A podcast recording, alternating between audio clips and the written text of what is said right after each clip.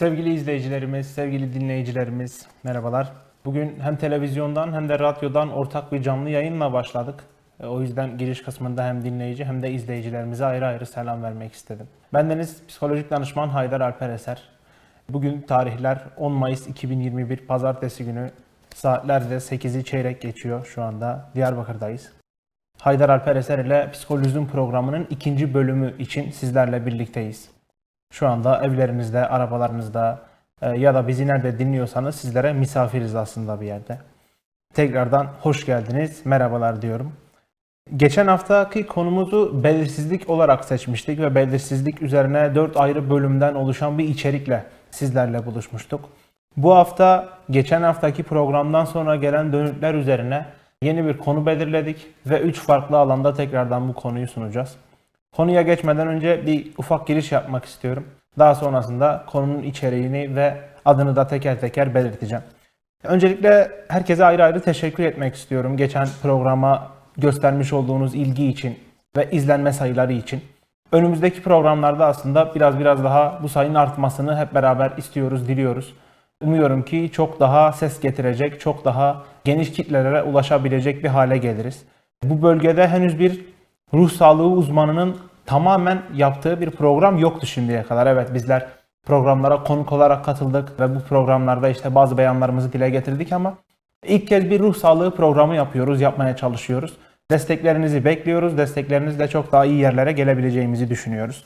Bununla ilgili aslında emek veren, arayan, soran herkese ayrı ayrı teşekkür etmem lazım. Bir özel teşekkürüm var ayrıca. İlk programı izledikten sonra bana bazı önerilerde bulunanlar ya da işte bazı eleştirilerde bulunanlar oldu. Hem olumlu hem olumsuz hepsi baş göz üzerine. E, o eleştiriler benim için çok çok değerli çünkü e, ilerleyen programlarda ben o eleştiriler geldiği zaman kendime bir yol çizmeye ve neyi nasıl daha iyi yapabileceğimi düşünmeye çalışıyorum. O gelen dönütler için o dönütü verenlere de özel bir teşekkürüm var. İki ayrı konuya değineceğim ilk başta. Öncelikle bugün 10 Mayıs dedik. Bugünün bir önemi var bizler için. Ruh sağlığı alanında çalışan insanlar için. Bugün Dünya Psikologlar Günü. Psikologlarla aramızda, biz psikolojik danışmanlarla psikologların arasında zaman zaman böyle ufak habete dayalı tatlı çatışmalar, tartışmalar baş gösterebiliyor. Benim de birçok psikolog arkadaşım var. Sizlerin de tanıdığınız, ettiğiniz e, birçok psikolog vardır. Buradan bu programın da aslında e, bir amacı bu. Tüm ruh sağlığı uzmanlarını kucaklamak, aynı çatı altına getirebilmek, bir birlik olup çözüm neyse o çözümün karşısında beraber durabilmek. O nedenle bugün tüm psikolog arkadaşlarımın Dünya Psikologlar Günü'nü kutluyorum. E, Umuyorum mesleklerinde gerçekten tatmin olacakları, gerçekten insanların hayatlarına fayda getirebilecekleri bir hale bürünürler. Öyle bir yola giderler. İkinci konum da şu, şunu da söylemeden geçmeyeyim. E, Yakın zamanda çok sevdiğim, böyle bir amcam dayım statüsüne koyduğum bir yakınımızı kaybettik. Programdan önce onu bir anmak istedim. Kendisi aynı zamanda Diyarbakır'da özel bir eğitim kurumunun da kurucu müdürüydü. Lisede de benim bizzat müdürlüğümü yapmış bir isimdi kendisi. Sevgili Ali Süleyman Sezgin yakın zamanda aramızdan ayrıldı. Saygıyla, hürmetle, rahmetle, nezaketle anıyorum. Bu programda da onu yad etmiş olalım. Onunla birlikte programımıza güç getirelim. Beraber başlayalım. Şimdi konumuz Konumuz aslında bugün herkesi ilgilendiren çok geniş, çok genel bir konu. Yine pandemi döneminin etkileriyle ilgili bir konumuz olacak. Ee, Şimdi pandemi döneminde bizim çalıştığımız birçok alan var. Çocuklarla çalışıyoruz, öğrencilerle çalışıyoruz, yetişkinlerle çalışıyoruz. Bir de üçüncü bir boyut olarak velilerle çalışıyoruz. Ki biz nitelikli bir eğitim, nitelikli bir öğretim hedeflediğimiz zaman bir sac ayağı gibi düşünürüz bunu. Üç- Üçlü bir sac ayağı gibi. Yani nitelikli öğrenmede 3 ayrı branş vardır, 3 ayrı konu vardır. Bu 3 ayrı konudan ilki öğretmendir, ikinci öğrencidir, üçüncü de velidir. Bu üçünden bir tanesi tam olarak destek vermediği zaman sacaya dengede duramaz. Ee, biz öğrenimi tam olarak gerçekleştiremeyiz. Öğretmen mesleki doyumunu gerçekleştiremez. Öğrenci alacağı verimi alamaz ya da daha düşük seviyede alabilir. Veli öğrenciyle ya da öğretmenle çeşitli problemler yaşayabilir. Bugün hem öğrencilerin hem velilerin hem de öğretmenlerin açısından pandemi döneminde eğitim sektörüne dayalı e, ya da bireysel anlamdaki çalışmalarına dayalı bazı problemleri derledim. Yaklaşık 30-40'a yakın soru var elimde. Bu soruları soracağım. Aslında sizden gelen sorulardı. Ve bu soruları sonrasında beraber cevaplamaya, beraber bunların yanıtlarını e, araştırmaya çalışacağız kendi ilgi alanlarımıza göre. Şöyle bir soruyla giriş yapmak istiyorum. Sizce günümüzdeki okul yapılanması Ee, okul yapılanmasından kastım şu. Hangi saatte uyanacaksın? Hangi saatte derse gireceksin? Ee, ne zaman e, yemeğini yiyeceksin? Ne zaman dışarı çıkacaksın? Ya da işte hangi aylarda okula gideceksin? Hangi aylarda okula gitmeyeceksin gibi e, bir yapılanmadan söz ediyorum. Sizce bu yapılanma en son ne zaman revize edilmiş olabilir? Yani en son köklü anlamda nasıl bir değişikliğe gidilmiş olabilir? Bununla ilgili bir tarih geldi aklıma. Gece oturup çalışmamı yaparken şöyle bir şey gördüm. En son 1800'lü yılların ilk çeyreğinde okullarla, eğitim kurumlarıyla ilgili köklü bir değişikliğe gidiliyor. Ve yaklaşık 200 yıldır tabii çok çok küçük oynamalar ya da işte bölgesel bazı farklılıkların dikkate alındığı ve evet bu değişmelidir denilen şeylerin dışında herhangi bir değişiklik, herhangi bir güncellik söz konusu değil. Yani biz 2021 yılındayız. Bir pandemi ile karşı karşıyayız. Eğitim sektörü bu alanda en çok etkilenen sektörlerden biri. Bunların hepsi baş göz üzerine. Ama 200 yıla yakın bir zamandır biz bu alanda herhangi bir yenilik, herhangi bir farklılaştırma getirmedik. 200 yıl öncesindeki konu da şu. O dönemde bu çocuklar hem okula gidiyor hem de tarlalarda çalışıyor. Çiftçilik yapıyorlar. Ve yaz tatillerinde ekinlerini, mahsullerini toplamak için yani hasat dönemlerinde bu çocukların okula gitmelerini istemiyorlar. Ve bununla ilgili bir karar çıkıyor. 3 ay bunlar oturacaklar. Kalan 9 ayda okula gidecekler. Tabii şu hafta sonlarıymış, 15 tatillermiş vesaire onu şu anlık düşünmeyin. Zihinlerinizden egale etmeye çalışın. Yani şöyle bir problem çıkıyor aslında bize. Neden biz çocukları Ağustos'un o sıcağında, işte o Temmuz'un, Haziran'ın o güzel zamanlarında evde tutuyoruz da kalkıp Aralık'ta, Ocak'ta, o karda, kışta, kıyamette ki biz çok çok iyi durumdayız. Çok daha vahim durumda olan bölgeler, daha zor coğrafyalar var. Biz neden kalkıp e, o çocukları o karda, kışta, kıyamette okullara gönderiyoruz? Yani coğrafyanın, mevsimin eğitim sektörüne yardımcı olması gerekirken ya da işte şu saat geçişlerinden işte kör karanlıkta kalkıp gitmek ya da karanlık olduktan sonra eve dönmek gibi bazı şeyleri düşündüğümüz zaman biz bunu eğitim sektörüne nasıl dahil edebiliriz, nasıl farklılaştırabiliriz? Bununla ilgili birçok soru var aslında düşünmemiz gereken. Bilmemiz gereken şey şu ki şu anda kullandığımız her şey, eğitim sektöründe kullandığımız her şey minimum 200 yıllık. Yani eğitim aslında kendi içerisinde bir kan alıyor ki birisi çıkıp onu kurtarabilsin. Bu ister sistemle ilgili deyin, ister o sistemi idame ettiren kişilerle ilgili deyin.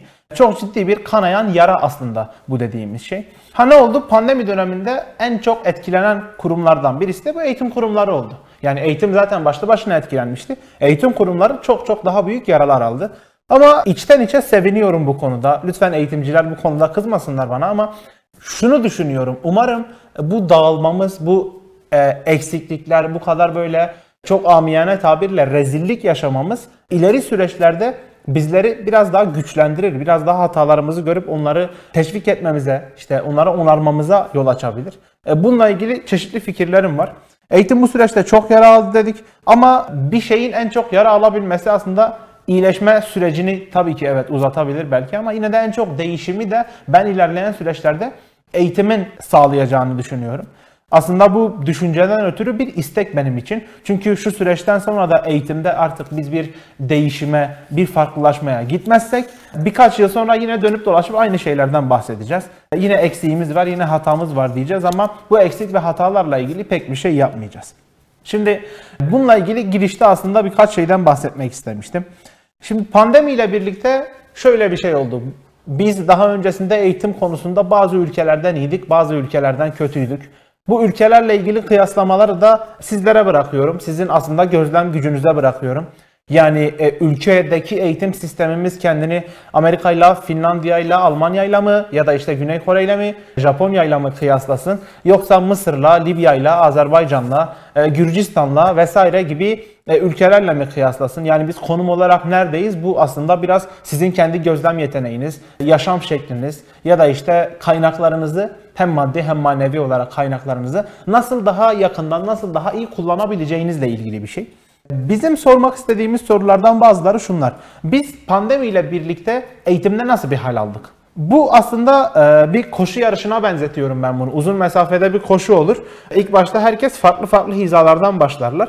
Köşeyi döndükleri zaman böyle anlık olarak bir eşitlenme gelir. Şimdi o koşu yarışındaki eşitlenme aslında pandemi döneminde tüm dünyanın almış olduğu haldi benim için. Yani eğitim herkesi bir yerde yan yana getirdi. Herkes çaresiz kaldı evet. Sıfırdan yeniden bir yarışa başlamış olduk. Ha bu yarışın ilerleyen dönemlerinde ne yaptık? Birazdan konuşacağım onları. Ama bu bizim için mükemmel bir fırsat. 2000 küsür yıldır olan biten her şey, evet çeşitli pandemiler, çeşitli salgınlar olmuş ama bunların eğitime o dönem içerisindeki düzeyi e, bu kadar yaygın değil. Çünkü e, mesela 50'li yıllarda olan pandemi salgınıyla birlikte o dönemdeki okuma yazma oranı, o dönemdeki okullaşma oranıyla şimdiki bir değil. Dünya nüfusu aynı ölçüde değil. Ya da işte o salgının karşısında durabilecek dirayetimiz diyeyim. En azından biraz biraz farklılaşmış, biraz biraz değişmiş. Şimdi biz bu yarışta, eğitim yarışında, uzun eğitim koşusunda yan yana geldik tüm ülkelerle. Tüm dünya ülkeleri yan yana geldiler. Peki sonra ne oldu? Aslında keşke çok daha farklı şeylerden bahsedebilseydim. Çok daha yeniliklerden, güzelliklerden bahsedebilseydim. Bu son 3 yılın konusu. Yani 3 yıl öncesinde hatta ülkemiz için düşündüğümüz zaman 2 yıl öncesindeki, 1,5 yıl öncesindeki tüm makaleleri açtığınız zaman Covid-19 pandemisinde şu Covid-19 pandemisinde işte eğitim ortamı vesaire herhangi bir çalışma söz konusu değildi. Yani literatüre dahi yeni giren bir kavram ve bizler de bunun üzerinde yeni yeni çalışıyoruz. Sabit bir yere geldik. Keşke o sabit yere geldiğimiz zaman birbirimizi karşılaştıracağımız ülkeler e, eski halinden daha farklı olsaydı. Ya da işte ülke çapında eğitim konusunda bizler de birer öncü sayılabilseydik bazı yerler gibi. Aslında birazcık böyle afalladık diyebilirim. Yani o şaşkınlığı üzerimizden atmamız çok çok uzun sürdü. Çünkü bu defa da eğitimin dışındaki bazı problemleri gördük. Baktık ki biz doğru düzgün internet kullanamıyormuşuz. Çünkü internet hızımız dünyadaki en kötü internet hızlarından biriymiş. Sonra baktık ki bizim altyapımız sadece internet bağlantısında da değil, internetin dışındaki kalan altyapımız da yani elektronik e, araçlara ulaşabilme gücümüz de aslında diğer ülkeler kadar ya da işte o karşı, ilk, ilk başta karşılaştırdığımız ülkeler kadar iyi durumda değilmiş. Ve biz 2 yıl içerisinde, dünya için 3 ama bizim için 2 yıl içerisinde tekrardan büyük bir fark edik. 5 yıl önce eğitim sektöründe ne kadar gerideysek, ne kadar kötüysek şu anda da aslında son 2 yıl içerisinde o kadar gerilemiş, o kadar kötü bir duruma gelmiş bulunuyoruz. Bununla ilgili burada oturup eleştirmek, suç atmak ya da işte sen şunu yapmadın, sen bunu etmedin demek, ekranlara çıkıp parmak sallamak herhangi bir şeyi çözmeyecek. Bunun çok çok farkındayım. Bunun çözmeyeceğini bildiğim için de kalkıp bu konuyu 3 ayrı alana bölmek istedim. Ve bu 3 ayrı alandan gelen soruları kendimce düzenlemek, bunlara mesleki açıdan en azından cevap verebilmek ve bir yerde de faydam dokunsun. Hani insanlar buradan görüp öğrendikleri bir şeyi yarın bir gün kendi hayatlarına uygulayabilirler. Bu da genel çerçevedeki eğitimin kalitesini artırabilir. Bununla ilgili bazı fikirlerim vardı. 3 bölüme ayırdım konuyu. Program da 3 bölümden oluşuyor. Öğretmenler, öğrenciler ve veliler olarak. İlk konumuz öğretmenler. Öğretmen birçok çevrem var, akrabalarım var. Ya da işte sosyal medya aracılığıyla tanıştığım bazı öğretmenler var. Takip ettiğim bazı öğretmenler var gerçekten. E, ilgi duyduğum, e, bende böyle bir mesleki bilinç oluşturabilen. Ha bu konuda çok küçük bir açıklama yapmam lazım. Biz psikolojik danışmanlar eğitim fakültesi mezunu olmamıza rağmen öğretmen değiliz. Burada sakın öğretmenliği küçümsediğimizi ya da işte öğretmenliği yabana attığımızı düşünmeyin. Öğretmenlik gayet kutsal bir meslek. Ancak bizim çalışma alanımız çok çok farklı. Biz derslere girmiyoruz, eğitim vermiyoruz öğrencilerle. Sınıf ortamında herhangi bir ilişkimiz rehberlik boyutu dışında pek bulunmuyor, mümkün değil. Bizim çalışma alanımız öğretmenlere göre çok çok farklı. Yani mesleki açıdan o farkı en başta belirtmiş olayım. Ee, burada öğretmen derken ya da öğrenci derken kendimi kastetmiyorum. Üç ayrı gruba da hem veliye hem öğretmene hem de öğrenciye dışarıdan bir gözle bakmaya çalışıyorum. Oldukça şeffaf olmaya çalışıyorum bu konuda. Öğretmenlerden gelen bazı sorunlar var. Bunları öncelikle soruları okuyacağım size. Sanki siz sordunuz ya da ben size sormuşum gibi sonrasında cevaplarını vermeye çalışacağım. Şimdi bir öğretmenimiz şöyle demiş. Hocam ben kendi mesleki yeterliliğimden şüphelenmeye başladım artık. Yani pandemiyle birlikte aslında bu soruların hepsini göz önüne alabilmemiz lazım. Kendi mesleki yeterliliğimden, mesleki kimliğimden şüphelenmeye başladım diyor. Şimdi bu öğretmenimizde birçok şey olabilir. Öncelikle mesleki doyumunu son zamanlarda sağlayamadığını aslında bu cümleden çıkarabiliyoruz. Çünkü o doyum sağlandığı zaman yeterlilikten hani bir şüphelenme söz konusu büyük ihtimalle olmazdı. Burada şöyle bir problem var. Bizim bu kadar yıldır eğitim sistemi içerisinde üniversitelerde öğretilen bir şey vardı. Teorik kısmı bilirsen, işte yakın zamanda onu pratiğe dökebilirsen bir problemin olmaz. Kendini tek bir alanda yetiştirebilirsen büyük ihtimalle o alanda kendine bir hayat kurabilirsin. Böyle bir fikir, böyle bir mantık vardı. Ancak pandemiye bir yerde şükrediyorum eğitim konusunda. İyi ki pandemi geldi. Burada asla hastalıkmış, ölümlermiş onlarla ilgili değil. Sadece eğitim alanıyla ilgili düşünün bu dediğimi. İyi ki pandemi diye bir şey yaşadık, yaşamaya devam ediyoruz ki en azından hatalarımızı, eksiklerimizi gördük. Ve bununla ilgili nasıl adım atacağımızla ilgili şeyleri inceleme, irdeleme fırsatımız oldu. Şimdi eğitimde şu anda şöyle bir fark gelişmesi gerekiyor. Biz tek bir alanda hizmet vermeye devam ettiğimiz zaman sistem, mevcut sistem bizi görmezden geliyor, siliyor bizi. Çünkü biz o farkı elimizde bir tebeşir, yeşil bir tahta ya da biraz daha moderniteye uyarlayacak olursak beyaz bir tebeşir, mürekkep yani işte beyaz bir tahta. Sonrasında biraz biraz daha uyarlayacak olursak elimizde böyle tam bir kalem ama kalem değil bir dokunmatik kısmı olan bir cihaz, önümüzde akıllı bir tahta. Ancak sadece şeklen değiştiğini görüyoruz. Yani insanların beyaz tahtada, yeşil tahtada ve akıllı tahtada yaptığı, öğretmenlerimizin yaptığı şeyler 3 aşağı 5 yukarı aynı şeyler. Ha bu konuda bireysel olarak çaba sarf edip çok çok ileri boyuta taşıyan öğretmenlerimiz tabii ki var. Onlara sonsuz saygı duyuyorum. Ama mesleki yeterliliğinizden şüpheleniyorsanız aslında sizin zihninizi şu anda böyle bilmeniz lazım. Zihninizin bir kısmını öğrettiğiniz şeyi aktarma farklılığını nasıl seçebileceğinize odaklamanız lazım. Çünkü pandemiyle birlikte karşımıza çıkan bir diğer konu da teknoloji anlamında bir liderlik. Yani şu anda bizim bu programı burada oturup yapabilmemizin e, belki de tek seçeneği bu teknoloji anlamında işte bir lidere sahip olmamız e, ya da işte bunları kullanabilecek, bu konuda bize içerik sağlayabilecek birilerini tanıyor olmamız.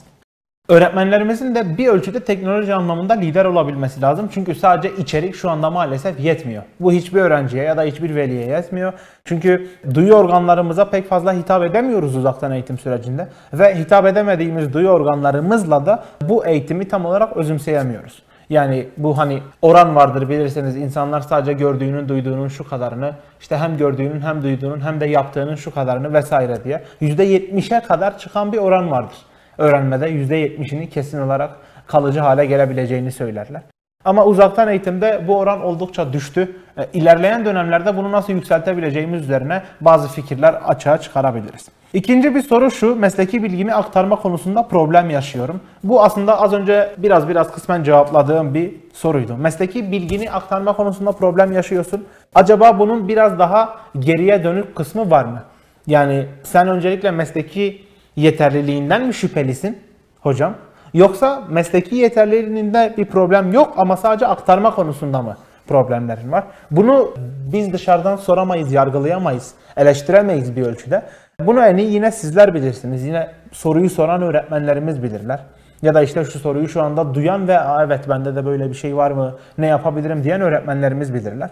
Bu öğretmenlerimizin aslında biraz biraz bunları sorgulamaya ve kendilerine karşı mümkün oldukça dürüst olmaya yönelmeleri lazım. Çünkü şu süreçte kendilerine karşı dürüst olabilmeleri biraz biraz veliye karşı, biraz biraz öğrenciye karşı da dürüst olabilecekleri ihtimalini doğuruyor. Çok özür diliyorum. Bu ikisi arasındaki farkı ortaya koyduğumuz zaman şu kalacak. Problem acaba akademik temelde mi yoksa e, bunu sadece aktarma temelinde mi, iletişim temelinde mi? Yani şu anda ben şu kağıttan ya da işte kafamın içerisindekilerden derlediğim, topladığım işte 22 ee, yaşındayım. 22 yıldır aldığım eğitimi gelip buraya oturduğum zaman direkt olarak aktaramayacağım. Burada sadece eğitim değil de işte koordine edebilme, hakim olabilme, onu aktarabilme, dil becerisini kullanabilme birçok birçok etken devreye giriyor. Ha ben sadece teorik bilgiyi öğrenip buraya gelip otursaydım büyük ihtimalle karşınızda konuşamayacak, kekeleyecek. Ee, ya da konuştuğum şeyin aslında anlamını tam olarak nereye varmayı bilemeyecektim. Yani orada bir döngü yaşayabilirdim. Bu aynı şekilde öğretmenlerde de geçerli. Uzaktan eğitimi şu anda kullanan neredeyse her meslekte geçerli diyebilirim. Üçüncü problem şu, ders anlatıyorum hocam ama içim tam rahat değil. Sanki böyle tam olmuyor gibi. Bu aslında ilk iki soruyla çok çok benzer özellikler taşıyor. Evet ders anlatıyorsunuz. Yani açıyorsunuz orayı ve bir şeyler anlatıyorsunuz. Ama karşınızdaki çocuklar kamerayı kapatıp evin içerisinde barfix çekiyor olabilirler. Veliler çocukların yanında işte çekirdek çitliyor yahut oturup örgü örüyor olabilirler. Yani eğitim ortamı, eğitimdeki konum sizin aslında öğretmenlik anlamındaki o doyumunuzu ekarte edebilir. Geri çekebilir, ket vurabilir, tanımları çoğaltabiliriz. Bununla ilgili şu önemli. Eğer gerçekten bir problem olduğunu düşünüyorsanız bu aslında iyi bir şey çünkü size bir sinyal gelmiş. Hani e, bu böyle bir ilahi bir zuhur değil bahsettiğim şey. Ama size gelen sinyal şu, bu şekilde devam edemiyoruz, değişmen gerekiyor. Bunu mesleki olarak düşünebilirsiniz, bunu iletişim becerisi olarak düşünebilirsiniz. Ya da ne mesleki ne iletişimsel ikisini de geri plana atıp bunu sadece kullandığınız aygıtlar, programlar ile de düşünebilirsiniz. Örneğin şu anda %80'e yakın bir Türkiye için söylüyorum. Dünya üzerinde bu rakam biraz daha düşük. Uzaktan eğitim ortamında herkes Zoom programını kullanıyor. Bunu alan kurumsal firmalar ya üniversiteler Zoom Pro adı verilen, onun da daha geliştirilmiş, daha farklı hali olan programı kullanıyorlar. Belki de öğrencilerle ilgili daha farklı içerikler, daha farklı seçenekler sunabilirsiniz onlara. Şu anda e, oyun temelli birçok program var. Ya da işte küçük yaş grubu için pedagoji anlamında öne çıkabilen çok çok programlar var. Bu programları kullanabilirsiniz. Soru cevabı bir oyun haline getiren bir program var Kahoot diye. Bu Kahoot'u önerebilirim sizlere.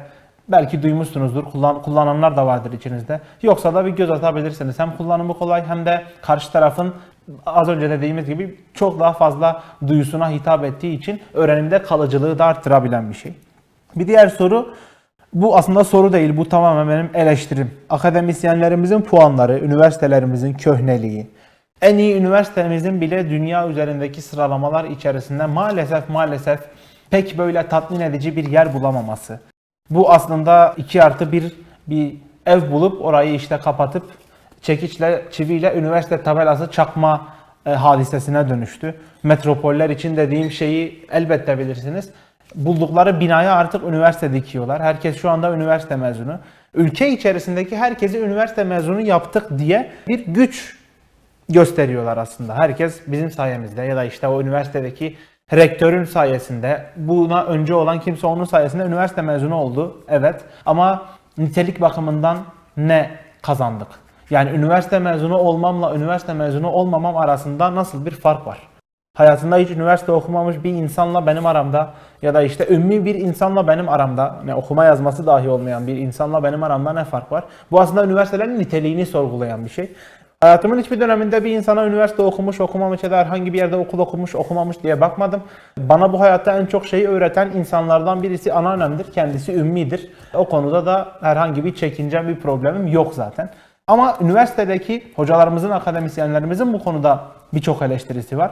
Bu eleştirilere karşı şunu savunabiliriz. Sizin akademik puanlarınız, yıl içerisinde yayına soktuğunuz şeyler neler? Özel üniversitelerin aslında bir ticarethaneye dönüşme durumundan söz edilebilir ya da yüksek lisans ve doktora gibi alanlarda ki bu aslında sadece özel olarak değerlendirmemek lazım, vakıf olarak değerlendirmemek lazım. Devlet üniversitelerinde de geçerli. Tez yazma sektörünün tamamen bir ekonomik sektöre dönüşme durumu var. Son dönemlerde mesela mülteci hareketliliği ile birlikte mültecilerin bu sektör için aslında sadece bir kullanım payı e, gibi düşünülme durumu var. Yani birçok şeyin içinin boşaltıldığını düşünüyorum bu konuda.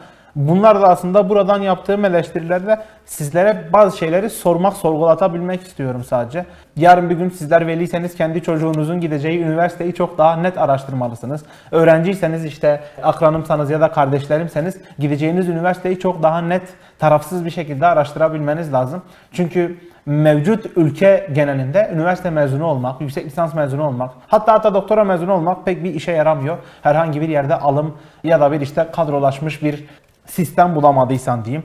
Burada aslında çok daha yakınabilirim ama kısa keseceğim. Öğrenciler ve velilere de zaman ayırmak istiyorum. E, mesleğimin prestiji kalmadı diyen öğretmenlerimiz var. Burada tam tersi olarak e, YouTube üzerinde ya da işte çeşitli sosyal platformlar üzerinde ortaya çıkan öğretmenlikle ilgili e, içerikler, kanallar var.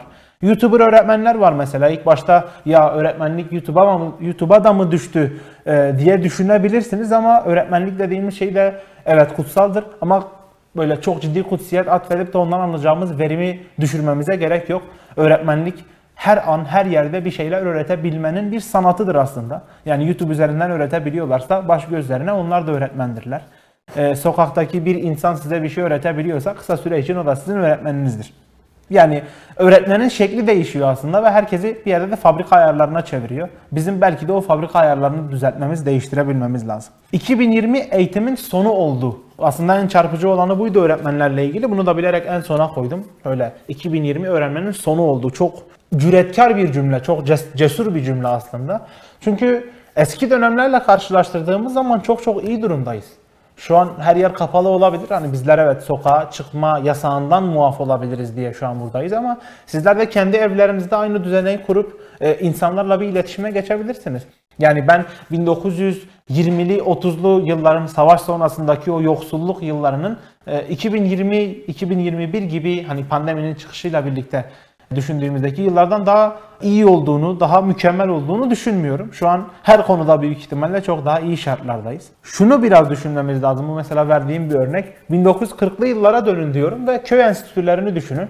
Bu Anadolu'nun topraklarında ortaya çıkan usta çırak ilişkisine dayalı bir öğretme türü aslında en yoğun, en kıt zamanlarda, en yoksul zamanlarda ortaya çıkan ve öğretmenin kalıcılığını e, bizlere gösteren. Şu anda da birçok ülkede, birçok yerde konuşulan, duyulan, üzerine akademik bazda çalışmalar yapılan bir yer. E yani inancınızı yitirdiğiniz zaman dönüp oraya bakabilirsiniz ve sonrasında kendi öğretmen kimliğinizi, öğretmenliğin dışındaki, hani bireysel anlamdaki zihninizi, fikrinizi tekrardan sorgulamanıza yol açabilir. Şimdi ilk bölümü geride bıraktım.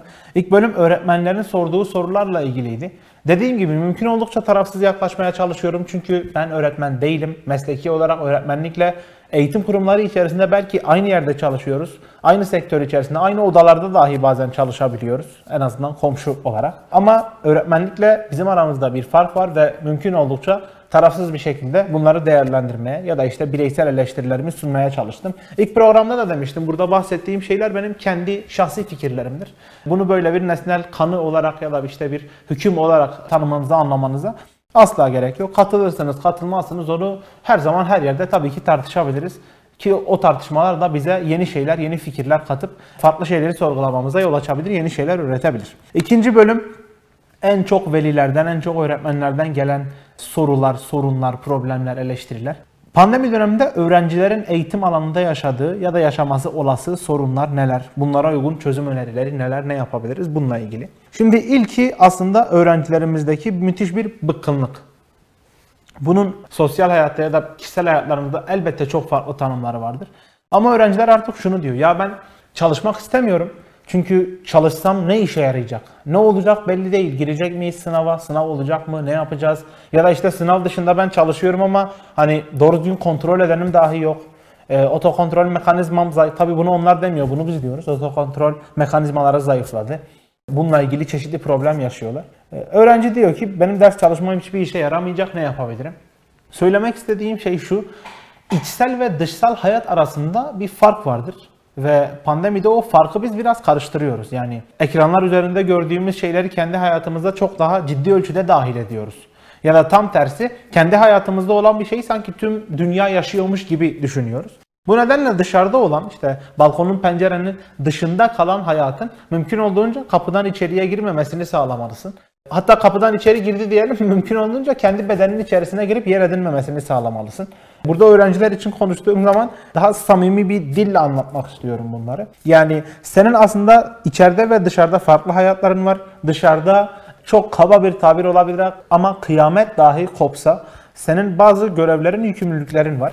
Bununla ilgili bazı şeyler üzerine koşmalısın, yordlamalısın bunları. Sürekli uykum geliyor, günüm gecem birbirine girdi ne yapabilirim? Evet uyku bu dönemde ciddi problem. Günlük hayatımız değişmiş durumda. Bu günlük hayatımızı biraz biraz kendimizle farklılaştırmalıyız. Yani tam kapanmada hareketsizlikle ilgili bazı şeyler oldu. Çeşitli hareketler önerebiliriz size. Yine aynı şekilde medya üzerinden bazı şeyleri kapatabiliriz bazı eksiklikleri. Üniversite öğrencileri için gelen şeyler var. Mesela üniversiteyi online okudum ya da okuyorum. Henüz hiçbir şey öğrenmedim. E, burada biraz yani yüreğinize su serpebilirim çünkü teori anlamında zaten pek bir şey öğrenemiyoruz. Bunu okul bittikten sonra biraz biraz anlıyoruz. Şu anda stajlarınızın ya da pratik anlamda yapacağınız şeylerin çok çok büyük önemi var.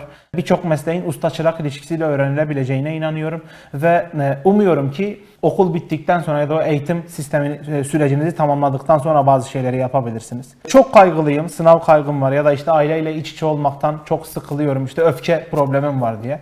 Bununla ilgili şunu diyebilirim. Öfke bizim için ikinci bir duygu. Yani bir duygu sonucunda açığa çıkan bir şey aslında. O öfkenin temel problemi ne? Ailenle kurduğun iletişimin problemi mi? Sosyal hayatındaki aksaklık mı? Romantik ilişkinin işte bitme noktasına gelmesi mi? Vesaire. E, bunları kendin oturup düşünüp farklılaştırabilirsin. Hastalığa karşı bazı temizlik kaygılarımız var ya da işte ölüm ansiyetesi geliştirdik ya da işte bunları velilerin ağzından söylüyorum tabi. Temizlik kaygısı ilk dönemlerde görülebilen bir şeydi. Şu anda hani bu kadar uzun süre devam etmesini aslında düşünmüyorum. Bununla ilgili görüşmeler yapılabilir, uzman desteğine başvurulabilir. Son dönemlerdeki diziler izlendikçe, bu psikoloji dizileri aslında izlendikçe hayatımızda biraz daha yer almaya başladı. Biz yapılmaması gereken bir şeyi gösterdiğimiz zaman sanki onu biraz daha teşvik ediyormuşuz gibi geliyor. Bu düşünceyi mümkün oldukça değiştirebilmeliyiz.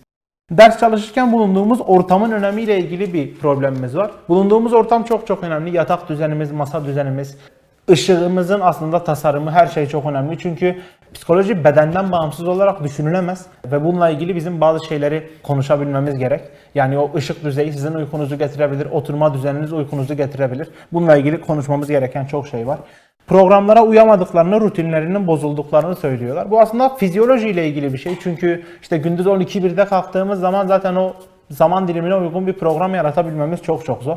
Tam kapanmada bu kısıtlı bir süreç ama tam kapanma bittikten sonra aynı şekilde devam ederse e, yine bir desteğe başvurabilirsiniz. Okullarınızdaysanız okul psikolojik danışmanlarınıza başvurabilirsiniz. Velilerle ilgili aslında çok çok ayrı sorular var. Velilerle ilgili olan soruyu toparlayacağım çok kısa. Çocuklarımız sizden çok daha farklı hissedebiliyorlar bazı şeyleri. Yani sizin hissettiğinizden daha yoğun, daha daha içselleştirerek bazı şeyleri anlayabiliyorlar. Mümkün oldukça dinlemelisiniz, anlamalısınız. Ya hocam işte ben sabah çıkıyorum, akşam geliyorum, zaten zamanım yok diyebilirsiniz. Eyvallah, çalışmak zorundasınız, farkındayım. Ama sabah çıkıp akşam gelmek sorun değil de akşam eve döndükten sonra işte eline kumandayı alıp televizyonun başına geçiyorsan benim için problem asıl orada başlıyor. Orada işte çok uzun zaman değil de daha az olsa bile en azından nitelikli zaman geçirebilmek çok çok önemli. Yani çocuğa bir gün içerisinde 15-20 dakika dahi tatmin anlamında, anne baba doyumu anlamında yetebilecek şeyler. E, verilerle ilgili çok çok farklı şeyler var. Mesela çocuğun akademik boyutta geri çekiyor. Yani işte sınava girdi şu kadar aldı ama bir dönem geçti şu kadara geriledi diyebiliyorsunuz. Bu aslında biraz doğal çünkü çocuğun üzerinde çok ciddi baskılar var ve akademik baskıda bunun bir sonucu aslında. İkinci konu daha çok küçük yaştaki çocuklarımız için bunu da söyleyip verilerimizi noktalayayım. Çocuklarımızda şunu görmüşler, gelişim anlamında bazı gerilemeler söz konusuymuş. Daha öncesinden yapmadıkları ya da yapıp bıraktıkları davranışlar tekrarlanmış. E, alt ıslatma dediğimiz enorezis, dışkı kaçırma dediğimiz enkoprezis, işte e, saç, deri, tırnak koparma dediğimiz trikotillomani başta olmak üzere parmak emme, tırnak yeme gibi bazı davranışların geri geldiğini görmüşler. Bununla ilgili de aslında yapmamız gereken şey o pedagojik sürecin mümkün olduğunca onarımı. Çünkü pedagojik süreçte bir onarma gerçekleştiremediğimiz zaman bu daha uzun vadelere yayılabilir. Ki alt ıslatma ve tırnak yeme, parmak emme bölgesel olarak da en çok görülen problemlerden biri. Bununla ilgili yine diyorum uzman desteğine başvurulabilir ama öncelikle sizin gözlemleriniz, görüşleriniz çok çok önemli. Ergenler için de şu var evden kaçmak istiyorlar, yasaklara uymak istemiyorlar. Bu da çok normal çünkü ergenlik zaten tamamen otoriteye bir baş kaldırı e, niyetinde. E, buradaki otoriteyi aslında Erik Erikson şöyle özetliyor o dönemin itibarını. Kimlik kazanma ya karşı rol karmaşası diyor. Yani bu çocuklar ya kimliklerini kazanacaklar ya da bir rol karmaşası içine düşecekler. Zaten bu kadar baskının olduğu bir dönemde bizlerin de onları baskılamaması gerekiyor. E, rol karmaşasını engellememiz için aslında kimlik kazanımına doğru yönlendirmemiz, onları oraya teşvik etmemiz gerekiyor.